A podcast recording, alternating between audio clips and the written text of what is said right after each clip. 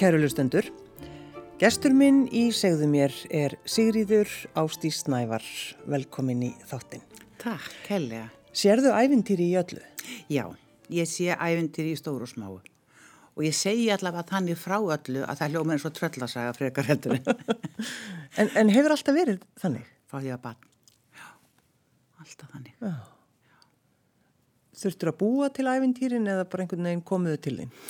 Sko, já, þau koma til mín en þau eru samt ekki sko, ég myndi, ég var nú að hlusta að bárða sögur snæfels ás í morgun. Hérna, það er ekki eins og ég sé að búa þau til eins og sögur einhvers annars, heldur bara upplifið ég sitt á veitingastað og það sittur einhvern til hægur og einhvern til vinst og ég þekki báða og þá er komið ævintýri. Já. Hvernig varstu sem barn? Var Hvernig var Siggadís? Í Siggadís, já. já. Ég var uppáttækjasöm en óskaplega hlýðin og það var þetta að skilja mig eftir þryggja fjara ára. Ég átti náttúrulega tvö yngri sískinni áður en ég var þryggja ára. Þannig að það þurfti nú svolítið að hleypa mig út og treysta mér og það var alveg hægt að hafa mútið gardi á hagamælnum og á þess að halda ég myndi sko opna hliðið og fara út. En hins vegar gerði ég allt sem ég gæti látt mér þetta í hug innan garsins. Sko. Það er svo ennur saga. en, en semst alltaf einhvern veginn svona, alltaf hlýðin? Já, mér finnst það langsniðast. Þannig fæ ég að vera með uppáttækin. Hann er kennst ég upp með það. Já, já. Ég veit það alveg. Og hefur lendi vandraðum með öll þessi ævindýri kringu þig? Öruglega. Ég held ég bara að taka ekki eftir því sjálf. Ég er allveg ekkert hrætt við það ef ég kem einhverju hugmynd og þú segir nei. Það er ekkert, ég upplifi enga höfnun eða svoleiðis. Mér finnst það bara allt í lagi. Ég bara kom með þessa hugmynd og hún dó sem að lifa og allt í lagi. Þið voru fimm sískinu það ekki? Jú. Svona, hvernig voru það alveg upp? Já, það var hann svolítið sérstaklega því að pappi vann svo mikið heima. Það segi ég að því ég er eldst. En svo þegar ég er að tala við valbókarsýstu mína eins og rétt á þann sem er 8 árum yngri eða átnað bróðum minn sem er 10 árum yngri eða Sigur sem er 5 árum eða Steppa sem er 14 mánuðum yngri að þá hafa þau ekki endilega upplifað sama og ég. Við gleymum því alltaf, fóröldarnir eldast og við þarna upplifum mismunandi tíma í þeirra reynilega. Og hérna við, uh, það var nú stundur hleyið því að pappi vann svo mikið heima og ég, til dæmis, sko, COVID og heimavinna, þetta henda mér alveg einstaklega vel og sjálfsagt hef ég einhver tíma verið svona gaggrinn fyrir að setja ekki nóga mikið á skrifstofu Ég sitt mest sko, alveg 90% en mér finnst ekkert betur en að vera heima og segja með texta til dæmis. Mm. En hérna, já, því ég sá bara pappa með mig vinna heima. Á þeim tíma, þau var alltaf kennarar og það var bara ekki neina aðstæði fyrir kennara að vinna í skólun. Þannig að, að svo var bara pappi, hann var bara að skrifa lagabækurna sínar og, og eða hæstarétta dómana eða skýsluna fyrir háskólan sem rektor og svo bara breytta hann um úr sér á á hérna bárstöðuborðinu sem alltaf gríla stort og svo kom bara mamma og hann og svona rétt mellir 6 og 7 og, og hérna bara íttu öllu standinu út á enda og svo var mamma alltaf með sérstakka sko flotta dúka yfir pappirinn og svo settist við aður leiti og svo bara eftir matið þá var dúkurinn tekina pappisrúni og öllu ít á sinn stað. Það var ekki þetta Mér finnst þetta svolítið gott einmitt, það var svona dúk yfir bara, já. Já, það var svo hugulegt Já, já. Mm. já, já, en mamma var náttúrulega óverulega þegar hún var núti og Já, það var óvinnulegt og var í starfsfram að já, já, já, já. Það var óaðskrítið, fannst mörgum sko og ég voru að segja fimm börn og svona eitthvað. En hérna eins og krakkandi sem kom til okkar að mettskóla ára þetta var mjög skritið heimili.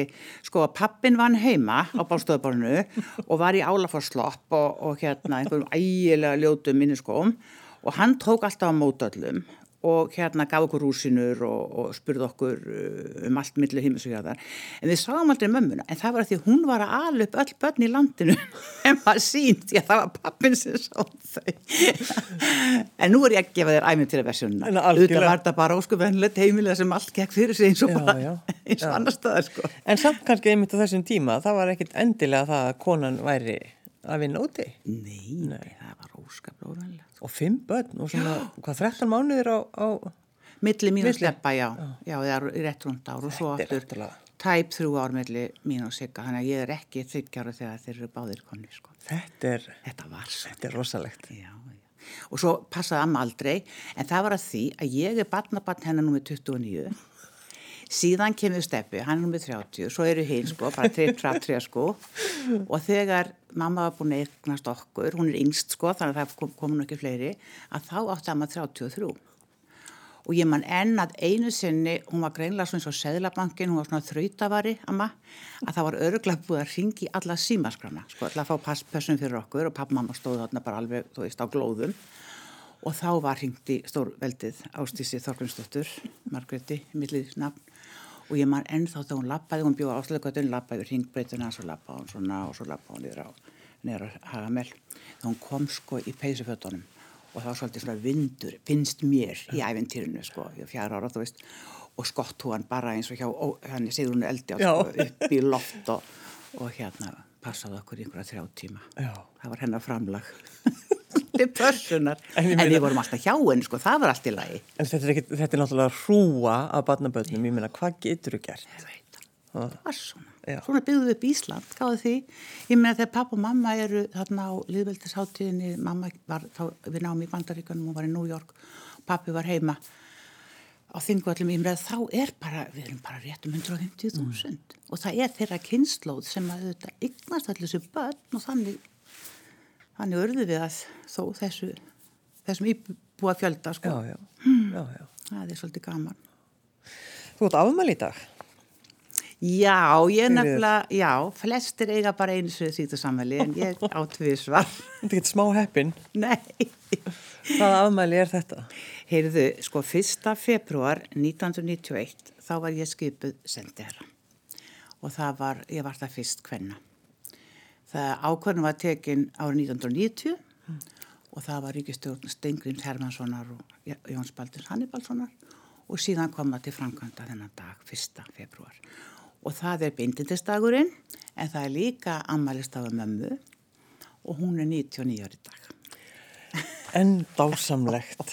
En þannig að bara konur voru, það bara kom ekki til greina, fólk hugsaði ekki einu sinni, þá hugsun að, að þær gæti verið Nei, sendiherrar. það var bara aldrei nefnt við mig. Ég var sko í, á annan áratug í öðrum störfum sem diplomat en ég minnist þess aldrei að nokkuð maður hafi sagt og svo verður þú bara sendiherra. Nei, einmitt. Ef það var hins vegar kona sem ég kynntist í Kenya því að ég var formaður sendinemndar Íslands á hvenna ráðstefninu í Kenya 1985 og þá réttum þrítugt og það var bandariskona Esther Cooper Smith sem er mjög efnus og býr, hún er enn á lífi og ég er enn í sambandi við hana, býr í Washington og hún einhvern veginn var svo mikið vinkuna mín og hún bauð mig til Washington og ég fór þangað og þá kynnt hún mig fyrir öllum, það var hún hálft kvítahúsið hjá henni í bóðum og allt svo leið sko og þá gekk hann um og sagði að ég væri yrði fyrsta konan sendar og ég mani ég var miður mín, hún skildi vera rugglast í þessu kærlingi.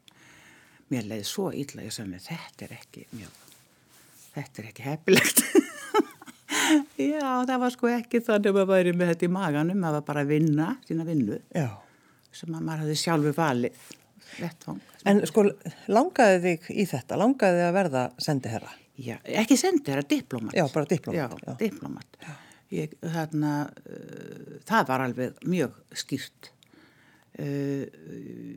En af hverju dettur manni það í hug þegar maður er ungur að vilja vera diplomat? Já, sko, ég er alltaf smá stelpa þegar við vorum oft með norskar konur á heimilinu og ég er elst þannig að ég lærði norsku og átti þessna norska vinkonur og þær voru dætur Kappelen, sendari hjóna Norex og ég þekki sko húsið, bústæði þeirra alveg út og inn sko, hvert skáp og hvert skot og hérna þannig að svo, og, og þekk svolítið að vera með þeim og, og einhvern veginn svona sko. Já. Hmm. Já, já. Já. En þegar þú hugsaður um þetta, 30 ár, mm. hefur mikið breyst? Allt. Það er bara allt breyst. Allt breyst. Sko ég er óskaplega heppin að byrja hérna 91 því að e, þú mannst að hérna teimur ánum fyrr þá hafði stóra atbyrju gerst sem ég tel nú ennþá vera stæsta atbyrjun í mínu lífi sko ef ég var að lýsa þeirri heimsmynd og þeirri heimsmynda breytingu sem ég hef upplifað á mínu skinni sko. Ekki bara það að ég stæði fyrir fram að belnamúrun og ákvaða að verða diplomat því ég sá að það voru þjóðverður öðrum megin og þjóðverður hinum megin og fólk sem var nátengt og móður öðrum megin og sonur hinum megin og ég sá þetta. Mm. Ég fórðangað, 17 ára gömur. Og ég hugsaði með mér að þegar alþjóða stjórnmál eru svona algjörlega stjórnandi enga lífi fólks og þetta var svo ofbáslegt og á þeim tíma sko múrin hann, hann var orðin bara eins og styrtistofa setna mér. Því það var sko gattavýrin og, og húsin voru notuð sem hluta á múrnum og það var ólýsanlega ógæslegt og ég fekk að lappa þarna 17 ára gömul yfir Checkpoint Charlie mm. og var bara einn og hérna og gæti fengið að ég tala um það þíska þessum tíma og, og fekk að tala við konuna sem voru þarna og þær voru í pappiskjólum. Það var eitthvað nýtt hjá Östu-Þískalandi Pappiskjóla? Já, það var að framlega svona pappiskjóla fyrir, fyrir sumar, sumartískuna. Já. og svo voru það að dek, drekka romkóla og það var einhver drikkur sem líktist sjálfsagt eh, Coca-Cola og svo kúpanst rom sem maður hefði fengið. Já. Já, þetta var svo. Og bara svo, og svo sagðu þau með alla sögurnar þú veist, ég var bara 17 ára stelp og ég finna, þú veist, það gátt allir tala um mig, Já. ég var engin óknum fyrir neitt og það hafði alveg báslega áhrif á mig þannig að það hefur alltaf verið svona mikil hérna, mikil dýft og mikil alvara á bakvið sko grínið og æfintýrin og uppáttækin hjá mér sko. Já, já. Mér finnst raunverulega að diplomatastarfið og bara það að vinna að heimsfríði því alveg jafn hallarleslegt og það er og ég er ekki að gera neitt meir úr mínu lífi eða mínu hlutverki en efnislega til. En það er sama, við erum bara öll almannavarnir eins og, eins og þau segja hérna. Og öryggi eins er öryggi allra og þetta er bara eitthvað sem var mér greinilega algjörlega í blóðbóri frá byrjun. Þannig að það hefur alltaf verið hugsunastarf Já, þú meina það. alltaf verið hugsunastarf og ég hef alltaf hugsað með mér að alltaf einhverja sko séð til dæmis í hverjum einstaklingi, hverjum borgar þessar lands svo mikla alþjóða tengingu hérna, nú við skulum ekki gleyma því við allur, við, við erum algjörlega háð innflutningi og útflutningi við erum ekki land sem býr til eigin, eigin, eigin vörur og, og tjónustu sjálft sko, við erum algjörlega eins og bara eitt gangur sem allt gengur í gegnum út og inn. Og þess vegna fannst mér strax svona að ég væri svona pípari. Og, og hérna ég ætla að passa upp á leiðslutnar Já. það var í mitt hlutverk sko að láta ekki koma neitt neina fyrirstöðu leiðslutnar þannig að pípurna frá Íslandi og til annara landa á öllum sviðum eruðu sko öflugar og, og, og hreinar og, og auð, auðveldar. Þetta er alltaf verið stórkvöld að sjá þetta. Sigriður, af hverju varst á móti kvennabekkjum í MR? bara mér fannst það alveg fáránlegt sko, mér fannst það enn eitt hérna, einn byrkninga mitt einslitninar og ég man að til dæmis, mér fannst alveg áðubáðslega einslitni, ég er 8-9 ára gömul því ég fyrir að spyrja ömmu, akkur ekki er alla konar það sama og amma segi, hvað ættu við barn? og ég drakk kaffi, af því amma segi, ég tala ekki við barnaböld sem drakk ekki kaffi svo ég þvargaði kaffinu 6 ára gömul hérna og með, með kaffibæti, þessi rauða Já, já. svo sett hún alltaf aðeins á kinnarna sem kinnarlitt af umbúðunum Heyrðu, og hérna um, já um, en mér fannst bara einsleitnin alveg hryllileg. Já. Alla konu voru í fyrstbúðinni, suma héttu húsmaður, suma héttu ráðskonu, suma héttu þetta, suma héttu og, og hann bara sagði bara, já þú er bara að finna ykkur annað ef þú vilt ekki gera, ef þú vilt bróta upp þessa einsleitni þú bara, þú veist, það er bara þú sem ræður því og einsleitnin að skipa fólk eftir kynjum í bekki fannst mér svo galinn að ég bara get ekki listi mm. og svo var alltaf sagt því að við sátum og ég og kjartan maðurinn minn Gunnarsson í skóla, fyrstu skólastjórn mentaskólinn til Reykjavík. Og ég sagði að ég var í mótissu og þá sagði þau, já en Sigrið mín þú verður nú að skilja það að það er út af stundatöflunni. Ha? Jú, sko það er út af íþróttum hvenna og kalla það er svo erfitt að gera stundatöflu og ég meina mamma getur stundatöflu fyrir fósturskóla Íslands á hverju hausti. Það var ekki eins og þetta væri einhver óleysanlega ráðgáta. Það bara hugleti og einsleitni Mm. En fórstu, varst eitthvað að rífast um þetta Já. í, í skólunum? Já, Og varst að rífa kjátt? já En ég gerir það alltaf óskaplega kurtislega. Já. Nei, ég bara, þú veist, ég hef ekki í mér, nema ef það er sko frekikallin kemur. Já. Já, þá bara kendi mamma mér það, hún var nú skálfræðingur, að hérna, þú lúfar aldrei fyrir frekakallinu. Því að þá ertu búin að tapa. Og þú, þarna getur bara verið, þú lætur hann heldur ekki breyta persónuleika þínum því að þú ert bara elskuleg og eins og þýr er eðlilegt og heldur því bara áfram. En hvað verðar frekakallin, það er bara einni tóntegund ofar og þá hættir hann. Og það er alveg frábæra Og þetta hefur verið notað. alltaf, já. en þeir, svo hafa þeir náttúrulega, þeim er fækkað Já. gagvart mér ég fæ ekki að nýta Takka sveig þegar ég sjá þig. já, já, og nú eiginlega sko, ég er svolítið heppin sko, að nú er ég orðin sem sagt hætt að vera svona, það var búða ósmart að vera kona þegar ég var kona ég má ekki, nei ég má ekki segja þetta svona en, þú veist, þegar, þegar, þegar skipti máli þannig, svo var þetta nú allt í lagi sko, einhvern smá tíma minna ræfi eitthvað svona kortur í tólf. Og svo er ekki fyrr fann að njóta þess en ég er á hann gömul. Svo nú fæ ég alveg nýja freka kalla sko til að eiga við sem eru á móti, sko, sem eru með aldursportum Já. svo ég er svona svakalega heppin sko nei, nei, ég, ég er óskur svona þæg Ég er sko svona þæg. já, já. En uh, sko, sá, skólameistarinn þar mm. í MR, það var, er það ekki var, Guðni, Guðni, já. og Guðni Kjaftur eins og Mm, mm, já, já, kallað. já, já. Og hann, var hann ánægð með því og þú skildir vera hvart undan þessu?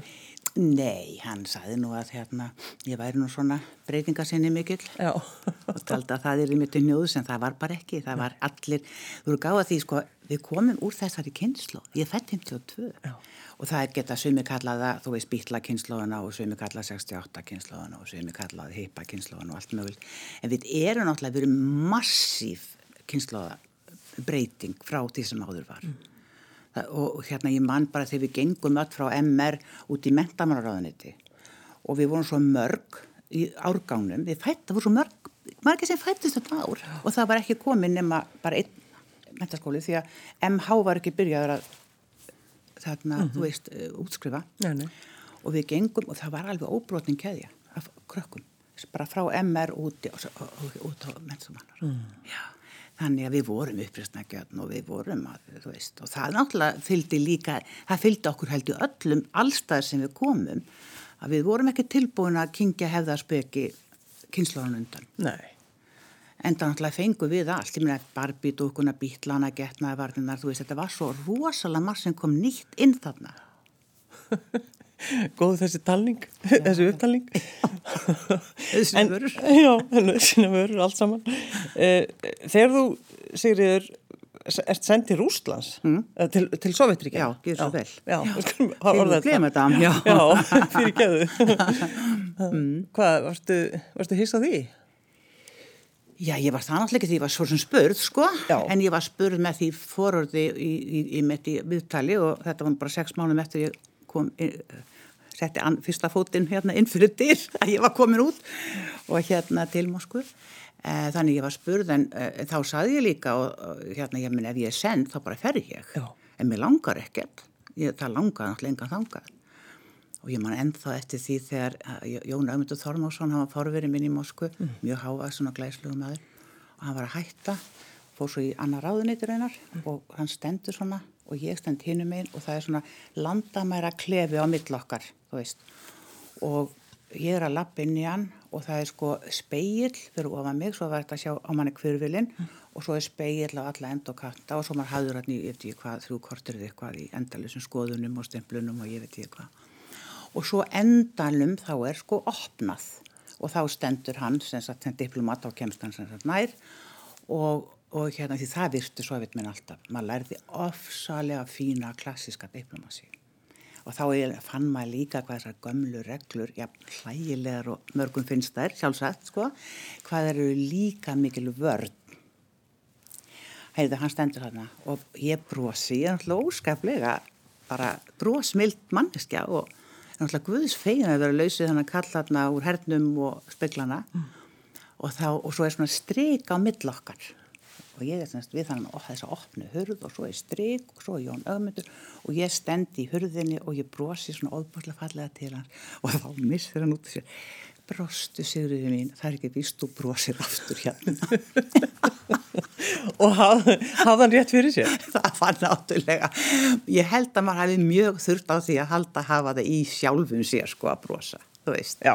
maður varð að búa það til sko. Það var ævindýrlega skrítið og rögl en eftir það líka finnst mér bara ekkert erfitt sko Já, það er bara já, þannig. Hvað varstu lengi? Hérna? ég var menn svo þau vil sko töldur þau vildi í mánuðum, vikudögum og klukkustundum ég var rúnd ár Já. nei, nei, svo hefur þetta allt sem breyst og orðið öðruvísi en, en það er alveg sama þetta þetta er búið sérstak. Hvar, Sigriði Snævar, hvar hefur verið skemmtilegast að vera þegar þú hefur verið sendt svona út? Búp, búp, búp, heyrðu mig, alveg laga. Náttúrulega skemmtilegast að vera á ítaljulegar ítalsku. En það var ekki úttalkistjónustan. það var bara, það var náttúrulega ótrúlega. Uh, já, skemmtilegt. Sko, ég hef alltaf verið einn á út, út erlendis og hérna við ákvæðum bara að hafa það þannig mm. frá fyrsta degi og, og hérna það er bara svo gott þegar eru bara reyna línur sko og þá bara gerir maður sitt best úr því og svo bara breytir maður því að maður er óanaði með það og vil hafa það eitthvað öðruvísi já. en hérna já ú. Sko mér finnst skemmtilegast að vinna í, sam, í, í umhverfi þar sem ég er með gott fólk með mér og er svona á japs, jap, ég, ég verði að hafa jafnstöðu, mm. ég verði að vera í teimi, ég verði að vera helst annar af tveimur eða annar af þremur og allir hafa sterkar stöðu í hópnum og eru það svona framkvæmda samir, hugmyndaglaðir og hefur hver sitt, skilur einn við skipilars hæfileika og annar hefur eitthvað annað og og svona manneskan í mér getur elskaða að vera svo mikil, ég er svo fættur aðdándi já, ég sé svo óskaplega mikla stærðir í öðru fólki. Þannig að ef þú setur mig í þannig umhverfi þá get ég bara ekki sagt að mér skipti nokkuð skapaðan hlut hvað Nei, hvað þú ert, hvað, í hvað, bara í nei, hvað landi? Nei, nei ég ætti þú spyrð sko. Já. að ég held ekki að hamingjan sé sko landfræðileg. Mm. og þegar einhver segir við mig ég bara verða að fara í lúndlanda því eitthvað og svona og ég bara skil það ekki. Eh, þú veist, þú, þú finnur ekkit hamingin í kópa fyrir frekarna patró hvað það en eh, sko að því þið hjónin takkir þess ákvörðun að þú ferð einn, vinnur úti mm, einn mm. varstu stundum einmanna? Já, ég veði alveg að lýsa því þannig að ég hef oft sko hugsað annað fólk sem er í sömu stöðu.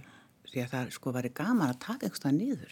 Hvað eru margir íslendikar einur að búi og búi erlendi í stórborgun að um, það var svona, maður var mjög leiður á sjálfum sér á sunnundaseftum og líka þetta að þú verður að búa þér til þú veist, í fjölskyldu eins og ég núna eh, er og lifi haf mikið sömlega í þetta að þá þarftu svo lítið að hafa fyrir því að búa til prógram. Það er bara allir kringu þig og það eru tveir, þrjir aðrir að búa til með þér og, og eitthvað.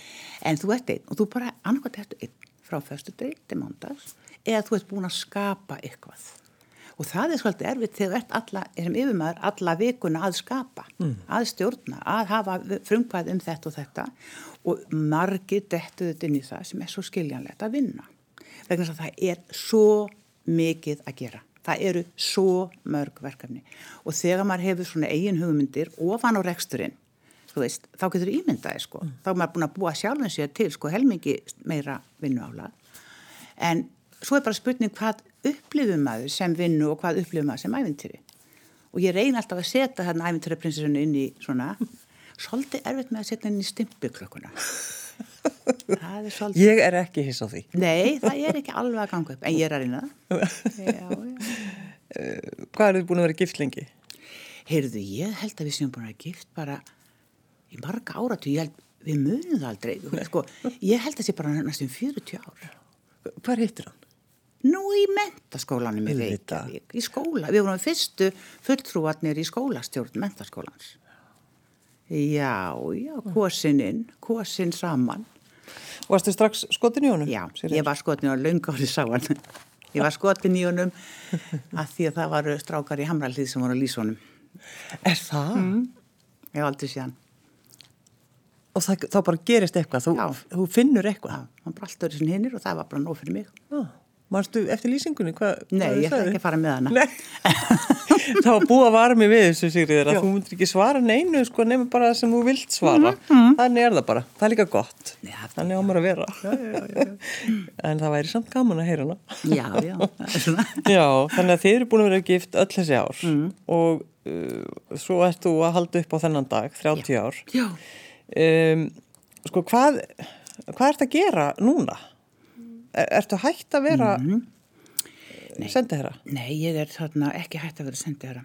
Hérna, ég kom tilbaka eftir ég eignast drengin okkar, hann Kjartnagunstein, þá kom ég tilbaka 2014 mm. og var ansið mörg ári burtu og meðal annars var ég með nýttu kraftin sem var uh, þarna prógram fyrir hérna þá sem hafðu mist atvinnu sína í rauninu 2008 og við vorum tvær saman, ég og Marja Björk Óskarstóttur og enduðum með að skrifa bók sem er svona, mér, mér er mjög kær mér er þessi ár mjög kær 1100 manns fóru gegnum þetta prógram okkar en uh, svo kom ég tilbaka og var í Ímsu í auðvitaðsánundinu en var í hálfu starfi vegna þess að þá vissi ég að ég gæti unnið meira á Íslandi sko. Mm. Það væri ekki mikið út um allt. En svo var ég með í framtíðanemt og þar var ákveðið, eða te, te, það var, sko að segja bara þegin svo tilraða mín að við myndum stopna aftur hérna uh, einingu með heima búsettum sendiherrum og þar með draga úr starfsálæginu eins og á sendiráðið í Peking sem var með tíu ríki fyrir utan Peking, það er hansi mikið sko. Mm og, uh, og fleiri, fleiri hérna sendir á og það hefur verið alveg yndislegt að vera með í þeim, í þeirri einingu og uh, við höfum tekið einmis lönd til Íslands og svo hefur þetta orðið stærra og stærra og hérna, mér finnst alveg dásamt að sjá þetta verða. Litla fræðið er orðið bara fyrsta svona, mér fannst nú orðið bara ágættist tré hjá okkur en núna á þessu ári hefur þetta bara brist í skó. Því að nú eru við komið með deilt eða, já, eða skrifstofu tvíliða samskipt, það er að segja samskiptar Íslands við Japan, samskiptar Íslands við Singapúr, við Malasíu, við Ástralíu, við Nýja Sjáland, við Danmörku, það er allt. Og það er komið mjög öflug starfseining sem ég finna heldur alveg óbúslega vel utanum allt og alla. Mm. Dásald að vera með í því. Er fólk sem heldur að, að það að vera sendið hér að sé bara að vera alltaf að halda partí? Veistu það, ég náttúrulega hef aldrei haft tíma til að skipta mér að því hvað fólk heldur. Nei. Ég minna þú veist, bara frá því að ég man að krakkar eða voru einhverjar að hendi með snjóboltum þegar ég var lítil að því mamma var núti, sko, það er ekki tætt að standa í þessu, sko. Og eins og ég sagði við einhvern tíðan að ég var náttúrulega í útlöndum og hvað fólki fannst einhver staðar annar staðar, það bara gati ekki, sko, haft neina áhrif á mig. En auk þess er ég bara, sko, að mikilvæg hugssjón í þessum partíum, ef þau eru partí. Og bara til dæmis held ég að nýttu kraftin hefði gengið svo vel að því við vorum með partí, við vorum með jólabóð og við vorum með sumarbóð vegna þess óskum einfallega að tengsla net og tengsl og það að hafa, við byggum okkur ég og Marja Björg, við byggum okkur bara tilvaldið að kalla fólk saman. Og fólk sem er að leita tækifæra og fær svo að hittast dottið út úr vinnu þó að sé ekki nefnum einhvern smá tíma og er þessun ekki með ásatun og ekki með jólahlaðborðinu og ekki með þessun þetta, þetta er ekkert bara diplomasía, þetta er bara allur heimurinn. Þannig að þú veist, mér er alveg samátt og einhverju finnist það aðstæðanlega að halda upp á ammæli ég meina ég bara býð þeim þá tvísvar og ég læri þetta. Hún kann ekkert að skamast mig um, En þú ert, ert ekki sko, þú ert með einhver lönd er það ekki? Þín svona kallað undæmisrík er það ekki? Jú Það er Ástralja, Malaysia, mm. Singapúr Já. og Pávastóll. Já, Pávastóll. Holy see. Stofnmaðist það, hvað hva gerur þú, hvað, erstu, Já. það senda honum bref? Já, ég var mikið þar. nei, nei, hérna, þetta er svolítið magnað, sko, að, að hérna Pávastóll, Holy see, er raunverulega fullvalda ríki. Jú, jú. En það er náttúrulega ekki mikil borgarafjónusta. Ég meina þegar við vorum að kalla 12.000 manns heim í COVID, sko, það þurfti að kalla neina munka eða prestið eða biskup að kardinali heim, það var ekkert. Og, og hérna ekki er ég mikið í útflutningi sem er nú samt mín ær og kýr, sko. Eh, ég held kannski fyrst ég geti aðeins selgt þeim, sko, lamp og fisk í klaustrin, en það var ekki, sko. Reyndur að gera það? Nei, ég ég, jú, ég gerði, ég, ég saði við þá í, í hérna því ég hitti alla þessar ráðamenn í gríni, sko, jú, jú, jú, þeir eru dása, það er alveg dása að tala við þessar menn, þeir eru svo gáðar og vel lesnir og ég myndi að það verið alla æfa að lesa og stúdira og, og, og hugleiða og byggja og, og í hérna tengslu við almættið, mm. ég myndi að auðvitað verðamenn mjög magnaðir, sko, ef þeir eru á annar báli með allt í lægi, sko. Já, já, ef þeir eru í lægi. Og geta þólað það sem er auðvitað fórnarkostnaðurinn sem þarf ekki að ræða um hvað hver er.